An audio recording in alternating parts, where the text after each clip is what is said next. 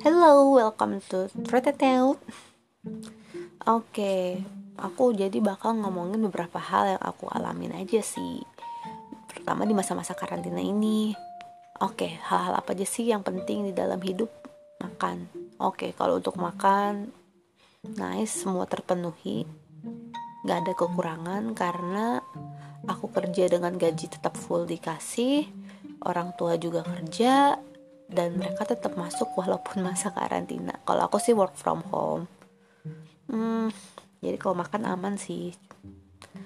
Cuma kasihan ya orang-orang ya yang nggak bisa makan gara-gara di PHK gara-gara gajinya dikurangin. Sedih. Ya kita cuma bisa kasih kalau emang kita bisa kasih bantuan ya udah kasih bantuan tapi kalau emang kita nggak bisa kasih bantuan membantu kita adalah dengan cara rebahan.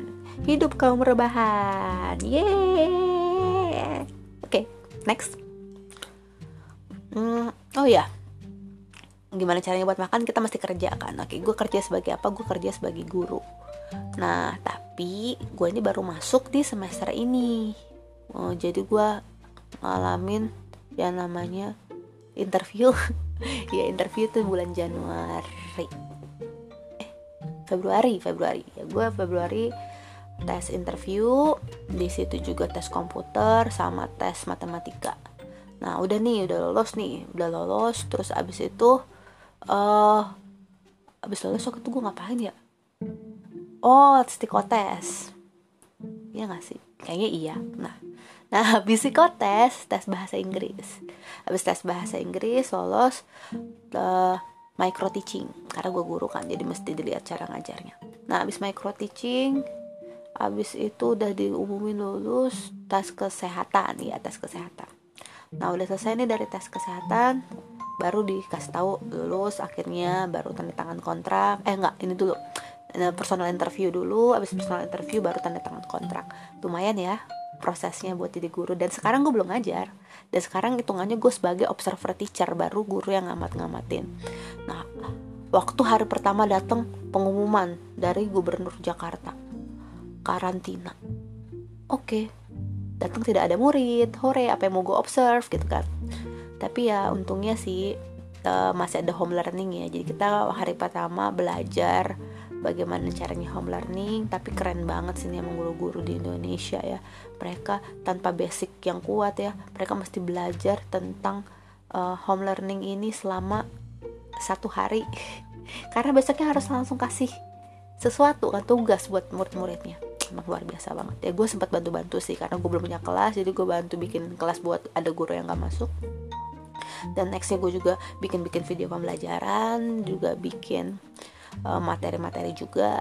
Dan pada akhirnya ini di minggu pertama gue kagak ngerti sama sekali asli. Apalagi nih ya gue orangnya agak pasif nih. Ya gitulah. Eh btw dari aku kamu jadi aku gua. Ya udahlah ya.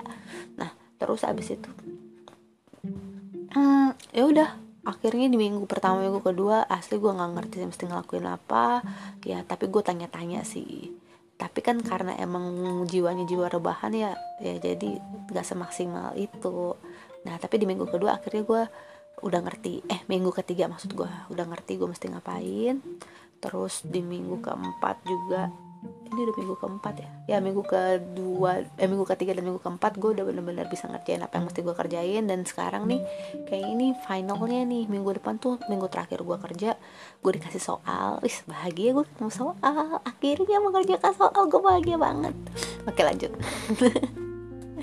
Terus abis itu jadi sebagai observer teacher gue termasuk sedikit gaji buta ya karena kita bukan gurunya kita ngeliatin kelas.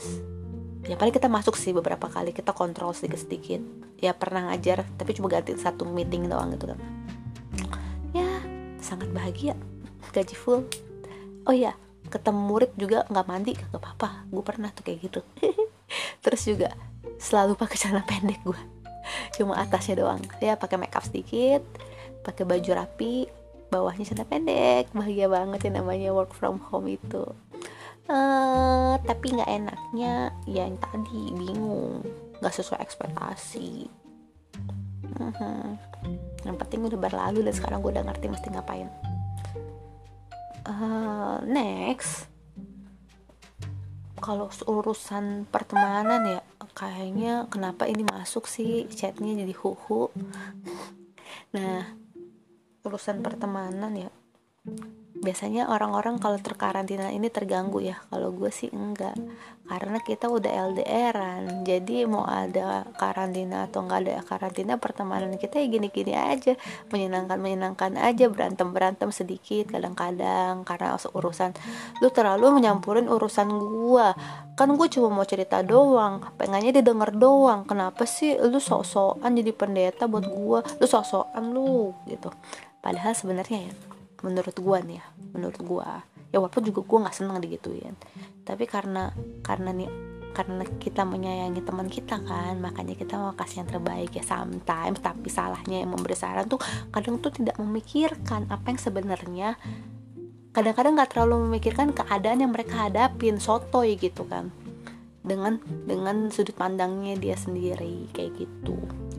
Ya jadi sekarang-sekarang sih kalau soal pertemanan ya pasti semua belajar memahami sih. Belajar buat nggak ngejudge walaupun kita mengasihi. Ya terus kembali lagi di kondisi orang yang dinasehatin itu belajar melihat kalau itu tuh tanda sayang walaupun mungkin mereka nggak ngerti keadaannya. Kalau mereka nggak sayang mereka nggak bakal tegur ya kan? Coba lu kagak kenal sama orang tiba-tiba lu negor orang. Aneh kan? Iyalah aneh. Hmm.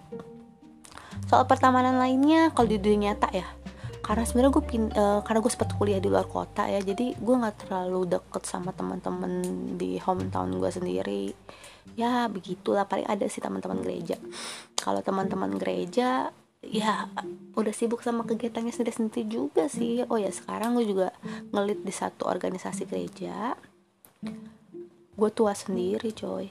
Tapi nggak apa-apa. Itu membuat gue menjadi lebih muda. Yeay! Akhirnya berkamuflase terus orang-orang selalu nganggep gue jadinya seumuran-umuran mereka kan. Padahal bedanya tuh 5 sampai 10 tahun. Ya lumayan lah. Ya enggak sih? Iya. Lanjut. Bahagianya di organisasi ya. Bahagianya saat, saat kita tuh dipercayakan suatu tanggung jawab. Itu tuh kayak ada ketambahan kebahagiaan sendiri. Apalagi itu tanggung jawab kerohanian ya buat gue ya. Karena kan kita hidup tuh bukan cuma buat apa yang ada di depan mata kita juga kan tapi untuk apa yang setelah kematian kita. Kita nggak pernah tahu setelah kematian kita kita bakal ke mana. Bakal ke atas ke bawah ke depan ke belakang gitu kan kita nggak pernah tahu. Makanya buat gue sekalipun surga dan neraka itu nggak nyata gue tetap akan terus percaya Tuhan. Toh nggak ada ruginya gue percaya Tuhan. Toh juga istilahnya banyak hal-hal positif yang dikasih ke orang-orang kalau gue percaya Tuhan. Karena saat gue percaya Tuhan gue juga akan mencintai firmannya kan. Akan mencintai kitab sucinya. Di situ kan banyak kebaikan-kebaikan yang diajarkan. Nah di situ akhirnya orang-orang juga bisa merasakan uh, kebahagiaan yang gue alamin gitu. Ya buat gue ikut Tuhan itu hal yang paling bahagia. Hmm, next. Udah 8 menit ya cepet banget. Itu dulu aja kali ya tentang organisasi sama sama apa tadi pekerjaan gue sama sedikit tentang pertemanan gue next gue bakal ngomongin hal-hal lain ya. Oke oke oke. Bye bye sampai ketemu lagi di Treteteut